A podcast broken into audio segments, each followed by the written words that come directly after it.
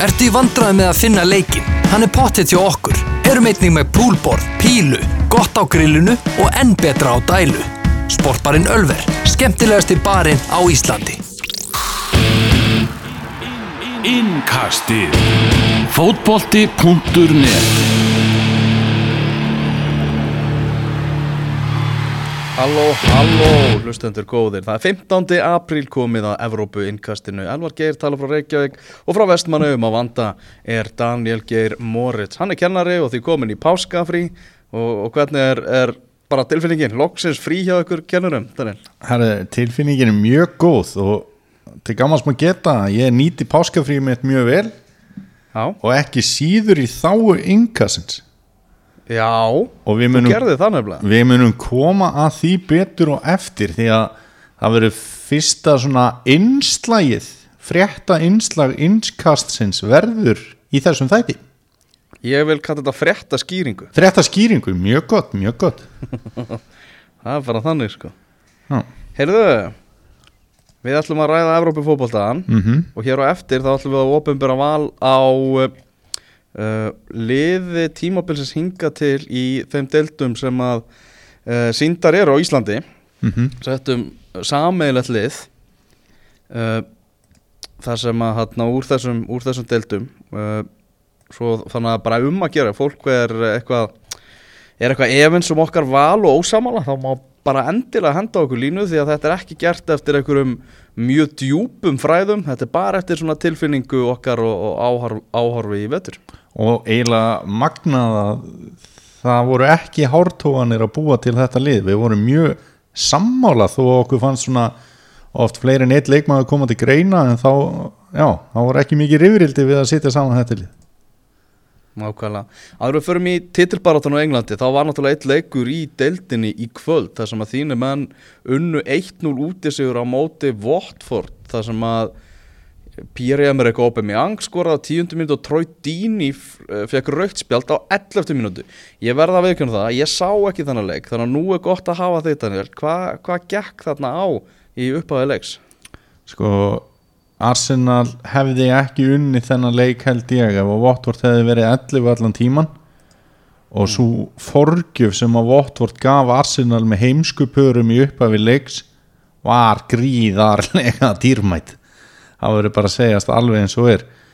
E, við byrjum á markinu. Þá er Ben Foster hann hefur fengið mikið lof fyrir sína framistuðu á þessu tímabili, erum við ekki samanlega um það? Jú.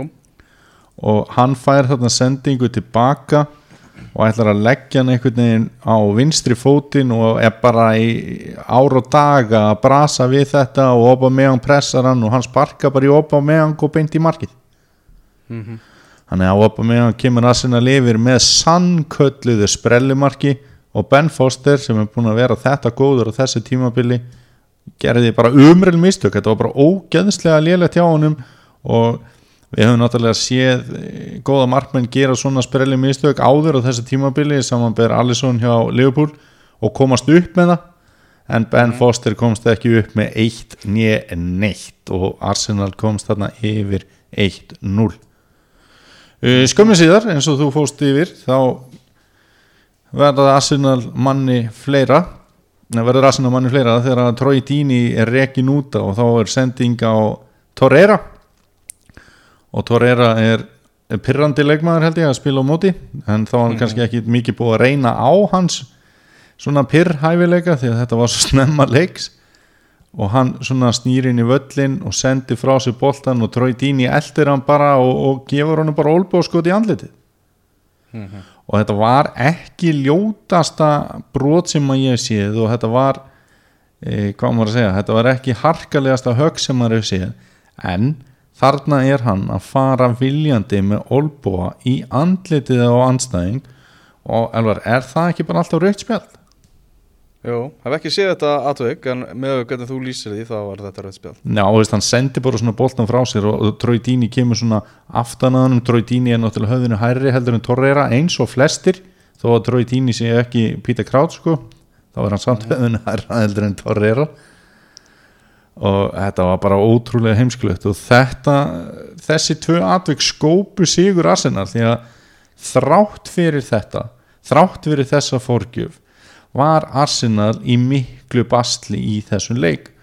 Þeim gekk illa að hérna, verjast og það var þarna þrömu skot sem að leikmaður Votvort átti sem að fór í skeitin þar sem að hann var í raun og veru óheppin að koma þeim ekki yfir. Það er aðeins stólið úr mér hvað hann heitir það kemur hérna rétt á eftir og svo fekk Andri Grey sannkalla dauða færi en einhvern veginn auðlaðist bara og náði ekki að sitja boltan alveg svona fyrir sig og Arsenal eins og ég segi var bara mjög heppið í þessi leik. Og þetta fekk Arsenal sín færi og allt það en fyrsti úti sigur Arsenal í, í bara ótrúlega langan tíma og já þetta var, var hann hérna Masína, Adam Masíma sem átti skotið þarna í skeitin. Og ég held að fæstir stuðnismenn Arsenal hafi farið inn í þennan leik einhvern veginn svona jákvæðir. Þetta hefur verið mikið bras útvöllum Arsenal hefur ekki haldið hreinu á útvöllum á þessu tímabili sem er ótrúlega tölfræði hjá liði sem er þetta gott og við töluðum nú aðeins um það í síðasta þetti að þeir töpuðu á móti Evertón og það hefur verið svona leikurinn sem mátti tapast. Að það sé svona eitthvað sem að stuðningsmenn Arsenal gáttu hugga sig við og staðrindin er náttúrulega svo ef Arsenal klára þá leiki sem þá eftir að þá verða þær í meistaradildasæti og þetta var næst erfiðasta hindrunin sem að Arsenal átti eftir og hinn er útileikur á móti Wolves sem að er eftir viku eða sérst í miðri næstu viku. Og það er heimaleikur á móti Crystal Palace í, um helgina sem kemur náttúrulega eftir þessum útileik á móti Napoli, við kannski skoðum það eins og eftir þegar við skoðum meistaradeildina og Európa-deildina á eftir. Þannig að já, bara sterkur sigur hjá Arsenal þar sem að þeir voru ömurleir það voru bara að segja þetta alveg svo er. Þeir voru bara virkilega lélegir í þessu leik. Mkhitaryan var lélegur Aubameyang var ekkert rosalega góður Özil kom inn á, hann var hörmulegur Ramsey oft eru betri Iwobi, hann var góður. Uh, Shaka var ekki samfærandi og svo náttúrulega var óvænt uh, uh, óvæntur miðvörður í liði Arsenal. Hann var grískur miðvörður og ekki þó svo gratis því að hann er í leikbanni heldur var að Konstantínos Mavropanos sem að byrjaði þennan leik og hann var bara ágætur. Ok, ok Já, þetta var mikilvæg sigur fyrir Arsenal sem er með 66 stig. Uh, staðan þá í svona meistardættabarátinni Tottenham 67, Arsenal og Chelsea 66 og Manchester United 64, Tottenham í þriði og Arsenal í fjórða og Chelsea búið að leika leik meira. Þannig að það bara heldur áfram spennan í, í þessari barátu en við skulum vinda okkur yfir í titilbaráttuna aðeins þar sem að það er náttúrulega Liverpool og Manchester City þessi félög, þessi lið þau eru bara hægt að tapa fótballtaleikjum, bara ótrúlegt skrið á þeim báðum, það er svona ágætus punktur sem að svona íþróttafréttamaður kom með að einhvern veginn þau eru það góð og vinna alla leiki að svolítið tekur úr titilbaráttunni, hvað eru góð? Það þú fattar hvað ég er að menna. Ég fatt að nákvæmlega hvað ég meina og það er ekkert kannski leyndamál fyrir hlustendum að ég og þú vorum með svona plan B fyrir yngast helgarinnar. Að ef að myndi eitthvað gerast í titilbaráttin á sunnudaginn að þá ætlum við að býða bara hressir með tækin og ít á rekk bara strax eftir leik Liverpool og Chelsea.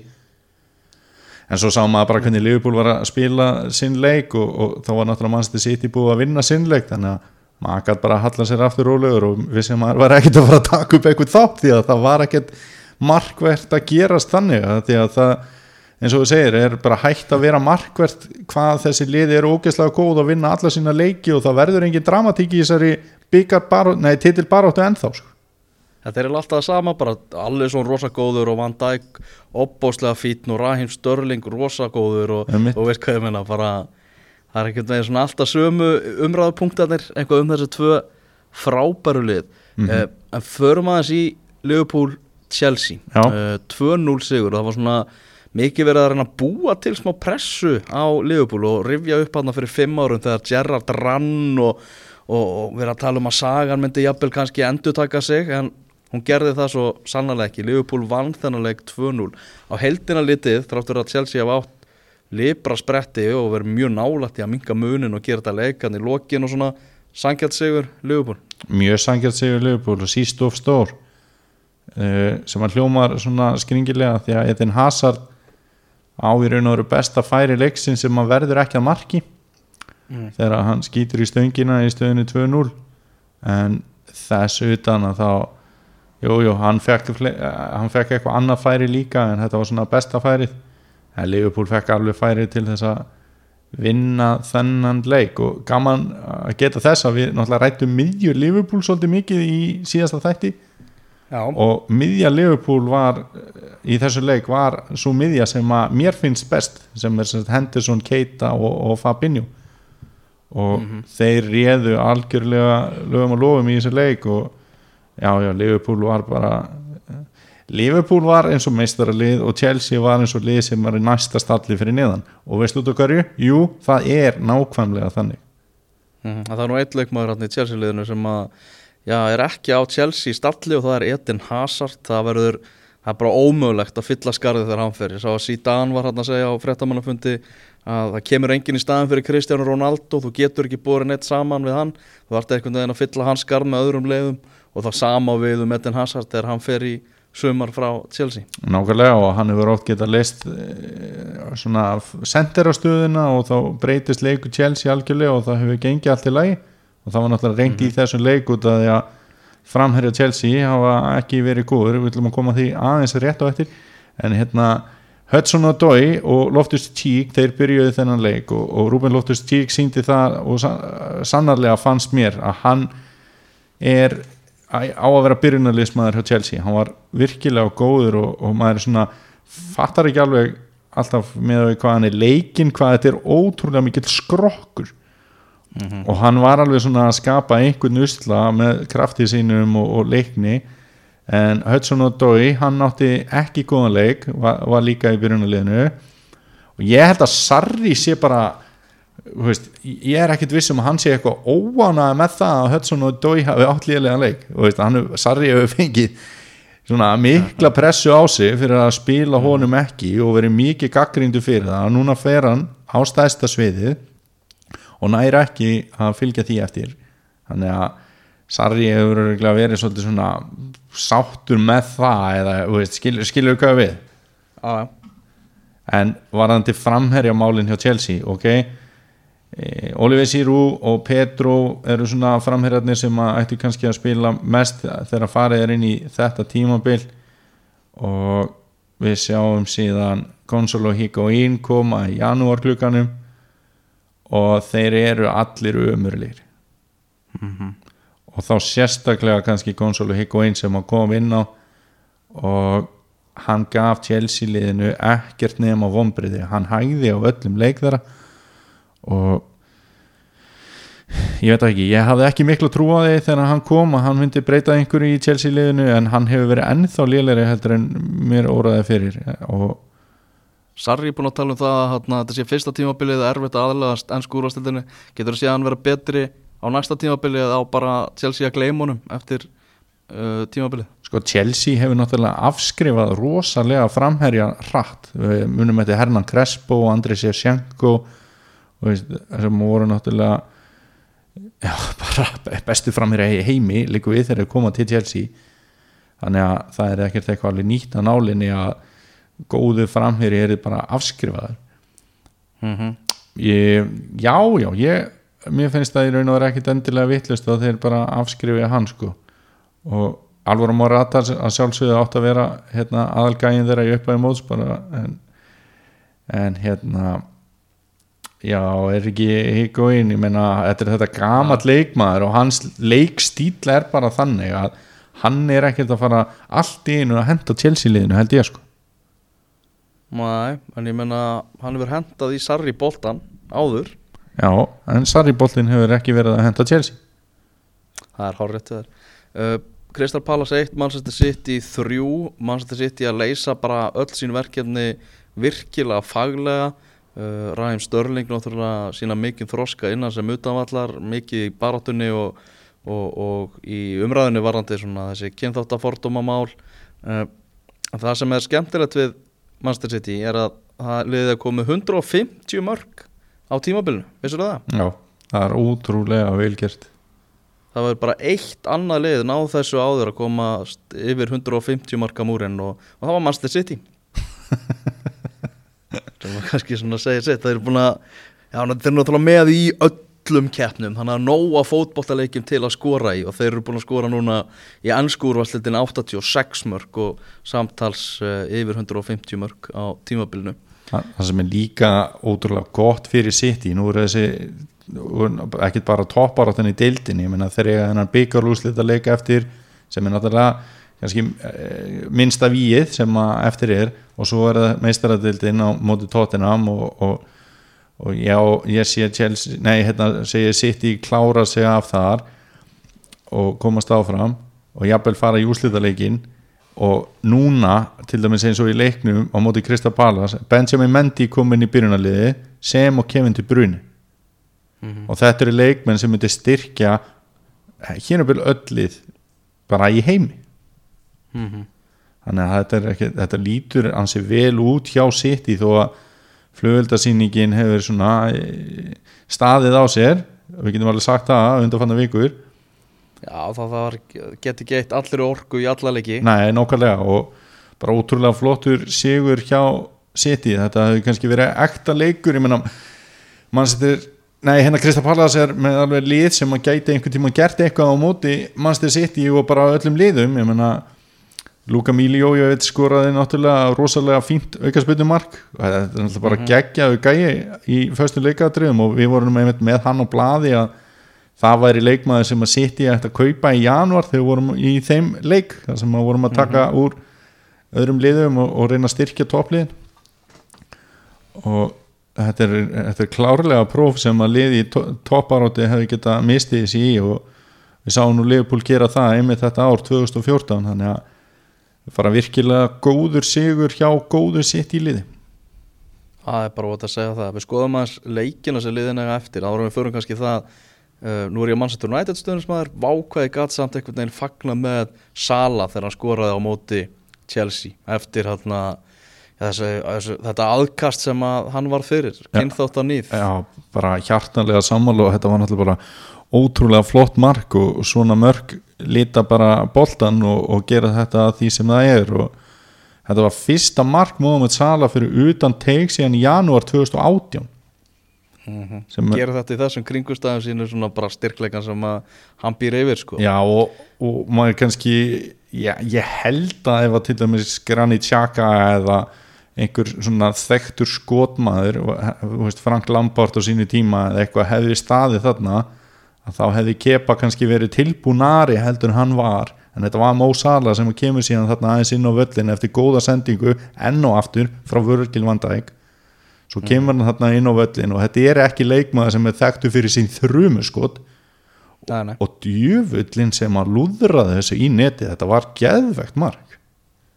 Nákvæmlega uh, Staðan er til dæmis þannig að er með 85 stig og City með 83 stig. Liverpool á fjóra deltalegi eftir City á 5 uh, Leikið sem Liverpool er eftir það er Cardiff úti Cardiff í fallseti Huddersfield heima. Huddersfield löngu fallnir úr deildinni. Newcastle uh, var það ekki útilegur sem áttum að þeim? Newcastle úti, býttu nú við. Við bara tjekk skráði hérna er að fara eftir frétta á, á vísi það er rétt hjá þér, það er eh, 5. mæ Já, það er útilegur og svo endaður þetta á Wolves sem er uh, í áttunda sæti Já. Þetta er bara já, þetta er bara hérna já, erum við þetta öfugt jáfnvel er, er Cardiff leikurinn heimaleikur eða? uh, nei, Nei, ok, þannig að þetta er bara eitthvað allt í, allt í tjóni, þetta er alltaf Cardiff, Huddersfield, Newcastle og Wolves, er þetta ekki bara fullt hús stiga hjá Liverpool? ef allt er eðlilegt þá er þetta fullt úr stiga. Sko við getum allavega sett Það er bara 100% að þetta eru 6 stig Næstu tveir leikir, Cardiff og Huddersfield. Mm, heldur þú líka á móti Cardiff? Já, Já, ég, ég held það líka en þetta, þetta er eins og ég var að tala um með palasleikin, þetta er svona ekta eitthvað dæmi þar sem eitthvað getur klikka spennustu getur eitthvað neginn farið. Cardiff þarf náttúrulega að berjast upp á líf og dauða. Nei, það er allt og allt og mikill gæðamunur á þessu tegunilu Já. Þetta er bara garantiru 6 stig. Mhm. uh, Sko, hinir leikirnir eru erfiðari hindranir, alveg klálega Já, það verður náttúrulega ekkert grín að fara til dæmis til Newcastle.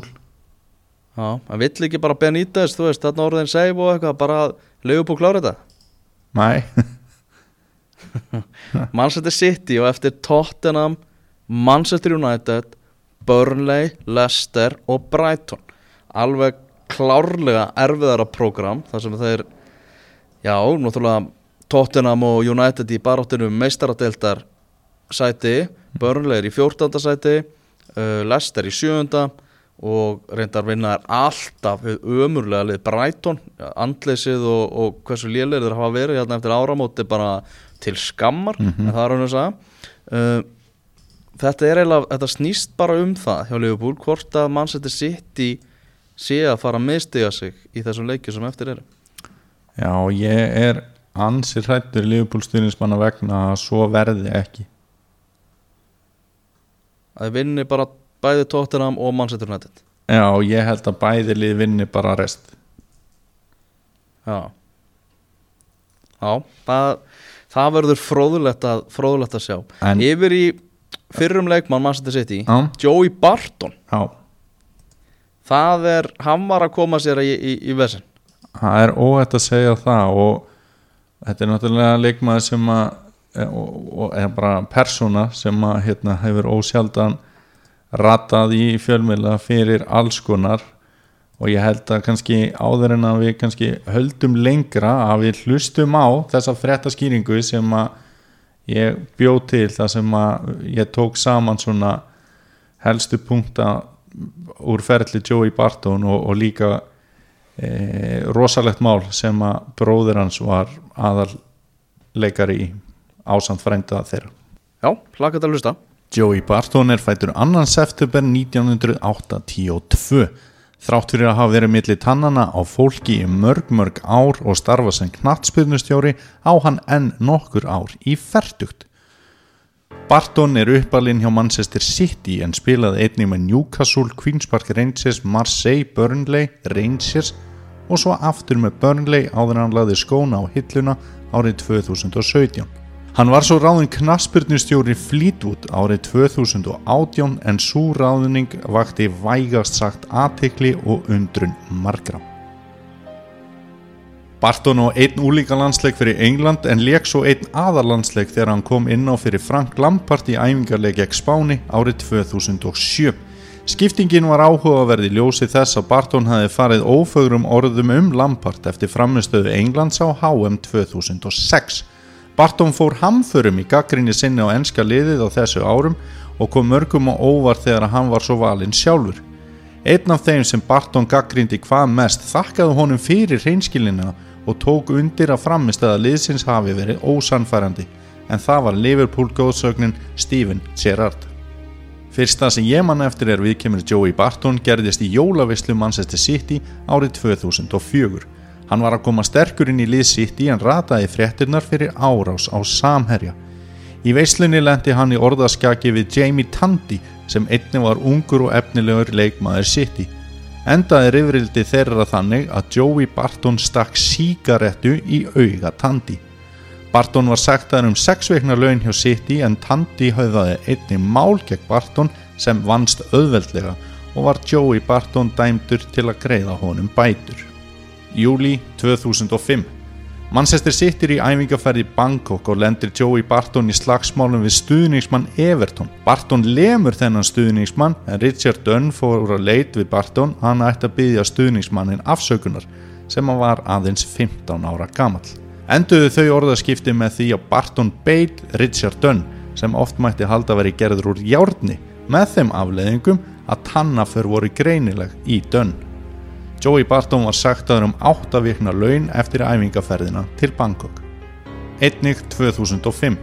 Anthony Walker var ungur námsmaður, englendingur og dökkur á hörund. Hann var fættur árið 1987 en myrtur á hrottafengin hátt árið 2005. Morðingjar Walker voru tveir og náfrændur í þokkabót, englendingarnir Paul Taylor og Michael Barton sem er bróðir Joey Barton. Málavextir voru þeir að Walker var að taka strætu á samt kærustu sinni og frænda þegar Michael Barton fer að kalla að þeim rasísk ógeðis orð. Ákveðu þau að fara á aðra strætóstöð en voru eld af þeim Michael og frænda hans Paul Taylor. Endaði þetta með því að Michael Barton og Paul Taylor réðust á Walker með þeim afleiðingum að hann lést. Banameinið var mikið högg sem Taylor veitti Walker er hann lamdi hann með ísöksi í höfuðið. Dægin eftir flugu Taylor og Barton til Amsterdam en þegar lögreglan lísti eftir þeim bað Joey Barton þá um að snúa aftur til Englands og gefa sér fram. Taylor fekk tæplega 24 ára fangilsistóm og Michael Barton tæplega 18 ára dóm og voru þeir dæmdir fyrir morð og rasíska árás. 2007 Joey Barton fekk fjögra mánada fangilsistóm fyrir að lemja ósmenni Dabo, liðsfélaga sinn hjá Manchester City. Árásinn var það svakaleg að Dabo fekk viður nefnið Fílamadurinn. Nokkrum árum síðar sagði Barton að Dabo hefði byrjað slagsmálinn og að hann hefði í raun bara verið að verja sig. Þegar Barton fekk dóm fyrir þessa árás kom fram að hann hefði einni verið ákjörður fyrir aðra líkamsárás. Mæ 2012 Manchester City tekur um móti Queen's Park Rangers í loka umferðin í enn skúrvastildinni. Bæði lið urða sigra, City til að tryggja sig titilinn og Queen's Park Rangers til að bjarga sér frá falli. Á 50.50 mínútu er leikurinn stöðvaður þar sem Carlos Tevez framhér í City liggur í grasinu. Dómari leiksins ákveður að ráðfæra sig við aðstofadómaran og rekur síðan Joey Barton af velli. Barton hafi kýlt Tevez í andlitið og eftir hann fekk raukt spjald sparkaði hann í Sergio Aguero og skallaði Vincent Kompany. Eftir leik sagðis Barton hafi verið að reyna að taka einn með sér eins og hann orðaði það og ætlaði með dólslátum sínum að espa einhvern upp með þeim hætti að viðkomandi fengi einnig raukt spjald. Þessi áætlum Barton mistókst og náði hann ekki einu sinni að espa Mario Balotelli. Kvinsbakk Rangers tapaði leiknum á fjell og Joey Barton fekk 12 leikja bann. Við skulum rifja upp lýsingu Guðmyndar Benediktssonar frá leiknum 13. mæ 2012. Hvað er að gerast hér? Hér liggur Carlos Tevez og Mike Dean lappar beint að aðstofdómarum eins og hann hafi séð þetta. Já, já, er Joey Barton að fara út af hér. Það væri honum líkt að klúðra öllu fyrir félagsitt með að láta reka sig út af hér. Ég held að Joey Barton sé að fara að velli. Hann er að fara að fá raukt spjald, svo hann virðist að slegið til hans eða slegið í hann beint raukt spjald á Joey Barton. Já, já, hann er farin í sturtu, hann er vittlisingur fættur þannig, ég hef bara fullir það Joey Barton að láta reka sér hér út af á Etihad-vellinum. Þegar að tíu mínútur eru liðnar á síður áleik og hvað er hann? Hann er gjössalega trilltur þessi vittlýsingur á að henda þessu manni í fangelsi og ekkert annað. Algjör auðmingi sem á ekki heima í Íþróttum. Hunskast út af hana dreng vittlýsingur Því hvað er að þessu dýri? Á ekki heima á Mario Balotelli? Hann er bara heilbrúður við hlun og Joey Barton. Bara ná í laurugluna og inn í bíl með hann og keira eitthvað langt í burtu. Burt með þetta. Þá ekki heima í Íþróttum þessi drengur. Hunskastinn í klef og þú þarf víst hjálp þetta drengur. Apríl 2019 Myndband næst af lauruglu stöða Joey Barton eftir leik Barnsley og Fleetwood Talið er að um líkamsáras hafi verið að ræða. Skömmu síðast berast fleiri fréttir á málavegstum og fréttir af því að Joey Barton hafi ráðist á Daniel Stendel, stjóra Barnsley, með ofsafengnum hætti. Collie Woodrow, framherri Barnsley, týsti um atvikið og sagði blóð hefði flætt úr andliti stjóra síns eftir árós Joey Barton.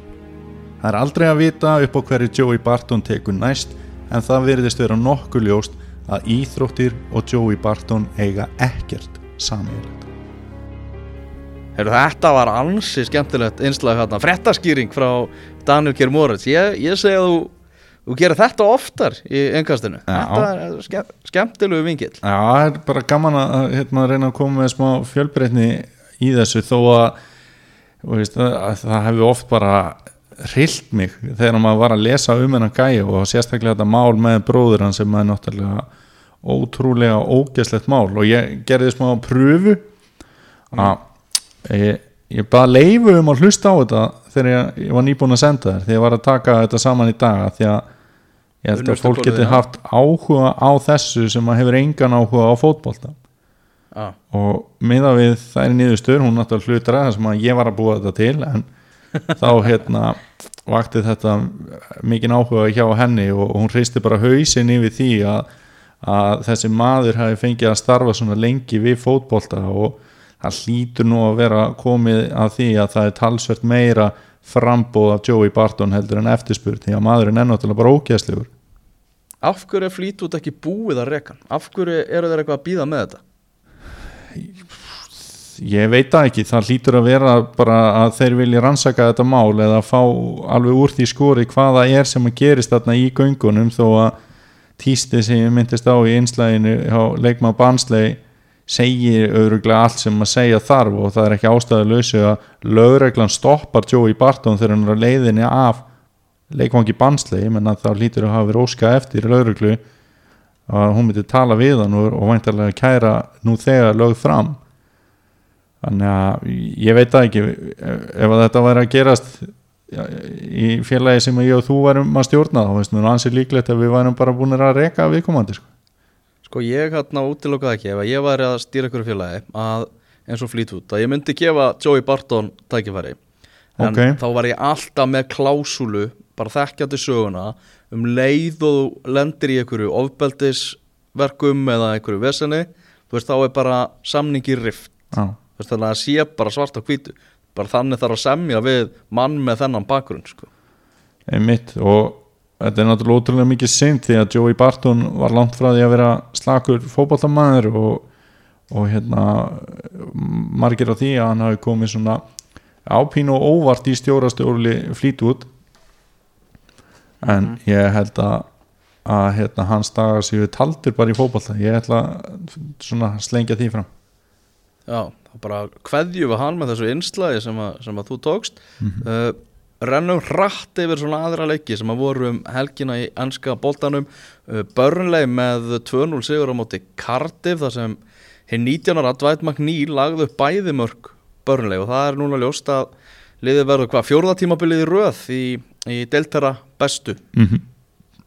það eru, eru góð tíðindi en það er svo sannarlega bak upp við vegg hjá Vornok og Aroni Einari. Aron átti að fá viti í þessu leik, fekk ekki. Vornok segir kartifstrákunum að horfa til Tiger Woods svona til að veita sér innblástur. Já, uh, Brighton Bournemouth uh, hér talaður náttúrulega um þetta Brighton drastlirna áðan en það er Brighton Cardiff annað kvöld, það er svona síðasta, síðasti sjans fyrir Cardiff. Já og með að við hvernig Brighton kom inn að leika á móti Bournemouth að þá líku við að við getum bara sett þrjá púnta á Cardiff því bara hörmung hjá hjá Brighton hvernig þeir bara láta ekki betra lið heldur en Bournemouth að raskella sig 5-0 um, Já, sko, og ef, að- og Cardiff tekur sigur þá fara þær upp í 31 stig og eru bara tveimur stigum frá örugu sæti. Uh, akkurat og, og hérna, þetta gæti orðið hérna, hörku leikur og skemmtilegu leikur þó að hann hérna, verði væntalega ekki fyrir valinu hjá mörgum sem alltaf horfa á fótbolta annað kvöld. En, en hérna uh, þetta er bara já, bara alveg bara það Já, Tottenham 4, Höttersvild 0 þar sem að Lukas Mora skoraði svona fyrstu þrennu síðan hann mætti í Evrópuboltan og gekk í raðir Paris Saint-Germain 2013 þetta var svona óvænt þrenna. Það held að það verið fáir sem að vera að henda honum í fantasy-deltina hjá sér eða hvað? Já, það er bara hár rétt ég gerði mikla breytingar eins og ég talaði um og, og hérna ég var með e- bæði Eriksen og, og Son. Og Son var bara á bekknum og eitthvað tæpur og Eriksen gerði lítið sem ekkert og þetta var dagurinn hans Lukas Móra og bara alls konar mörg og, ótrúlega vel gert hjá honum á móti algjöru rusl liði Höttersvild Höttersvild var náttúrulega lélegasta liði sem næra að halda sér uppi í fyrra og nú er rétt lélegasta liði sem að fellur og Já, tölum bara um eitthvað annað en Höttersvild sko. Já, förum að tala um Fulham sem að hefur hingað til ekki geta bara haldið reynu til að berga lífi sínu en vann 2-0 sigur á móti þessu óútreiknarlega liði Everton Eh, þessi sigur, geti hann ekki svona ítt undir það að Scott Parker fái að vera áfram með liðið, taka championship slægin með? Já, okkur ekki? Já, nákvæmlega. hann er einna, var náttúrulega vinsall hjá Fulham sem leikmaður og hann hefur í raun og verið ekkert farið með þetta lið eitthvað úr öskun í eldin hann náttúrulega tók bara við alveg skelvilega krefjandi verkefni og og hérna væri áhugavert að sjá hann. Það þeir sem að komast á blað fyrir að gera eitthvað í þessu leik það er Tom Carney sem að skorar. Og hann er náttúrulega já, eitt svona vinsasti leikmaður fúlham, Ryan Babel. Hann hefur í raun og verið komið mér svolítið óvart, hann er betri heldur en ég bjóst við. Hann skorar og leggur upp. Og svo var það Aleksandr Mitrovic sem komst líka á blað fyrir að leggja upp marki í þessu leik. Þannig að bara fínt hjá fúlham Newcastle með útisigur á móti Leicester og Southampton vinnur Wolves, þurfum við ekki að rósa svolítið, voru, voru við búin að rósa Ralf Hasenhöll, okkar manni? Nei, í raun og veru ekki og, Southampton. og hérna, hann hefur bara farið með þetta sáðantón lín í það að vera nokkuð örugt núna þegar sáðantón og fimm leiki eftir. Ég held að þetta sé bara orðið bara á milli Cardiff og Brighton hvort liðið fellur og ég held að það verði Cardiff en vel gert hjá hvað segir við, Hössun Höttul nei, hvernig segir maður þetta Já, já, Ralf Hasenhöll Já, Hann er að, þarna- hérna, hann er búinn að gera svona, þú spilna svona í heilt- með þetta sáðantón lið Já, akkurat. Þarna meistaradeildin, það er meistaradeild Evrópu í vikunni, ég rána með þetta að vera ekkert eitthvað að taka hlje í eina viku heldur bara spila þetta áfram. Og það er náttúrulega setnileikurinn hjá Barcelona og Manchester United sem er annað kvöld.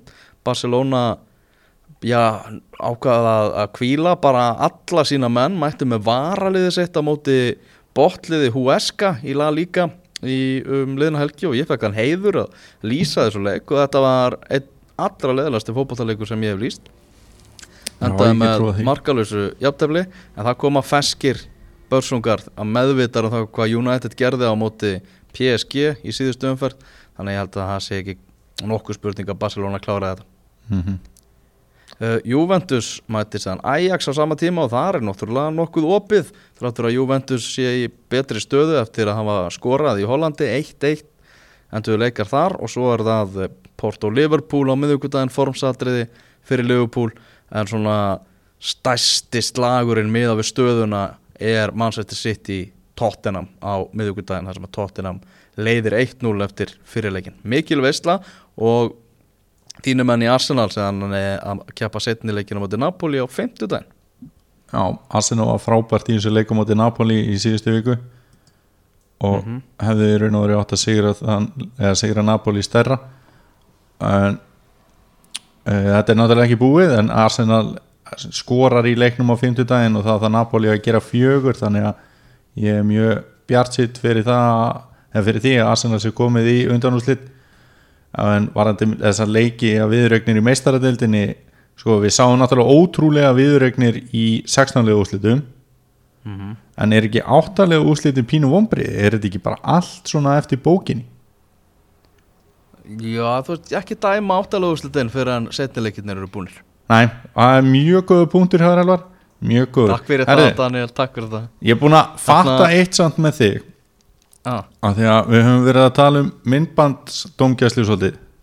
Já, og þú varst svolítið fljótur á vagnin og veist svona hrifin af þessu að þetta svona og, og, já, myndi bæta við fótboltan eða ekki?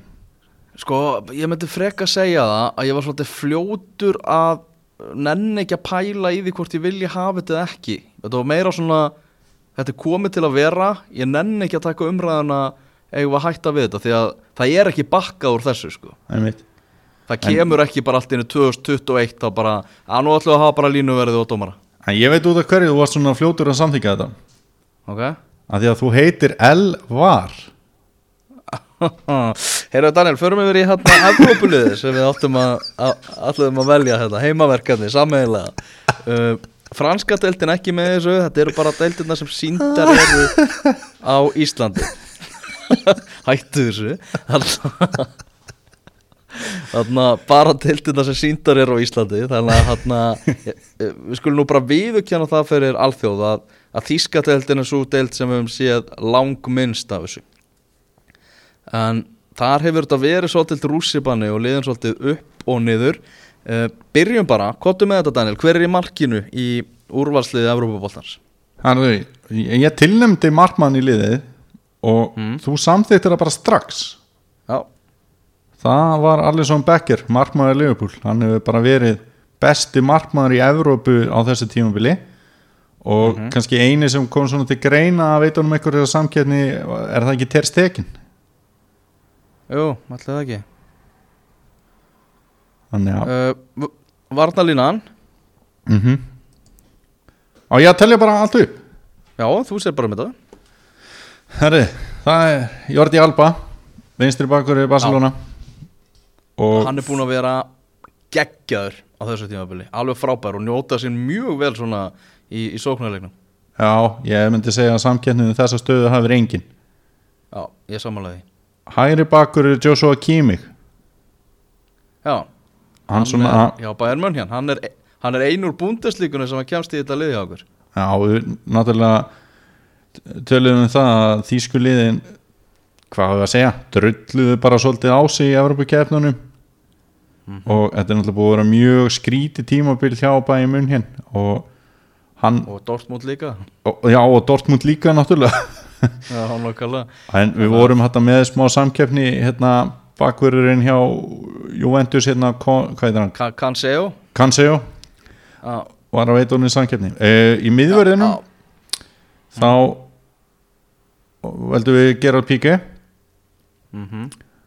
og Jan Vertongen nei ok, við veldum Vörgin Vandæk og hérna Piqué er búin að vera frábær. Hann er hérna sá sem að er örugglega hvað mest búin saman við Sergio Ramos sem að er einhver bestið miðvörður allra tíma eins og við fórum yfir hérna fyrir vetur. Og, og Piqué er bara að vinna þann slag algjörlega á þessu tímabili og, og svo er Vörgin Vandæk besti varnamaður í heimi um þessa myndir og, og eðlilega í liðinu.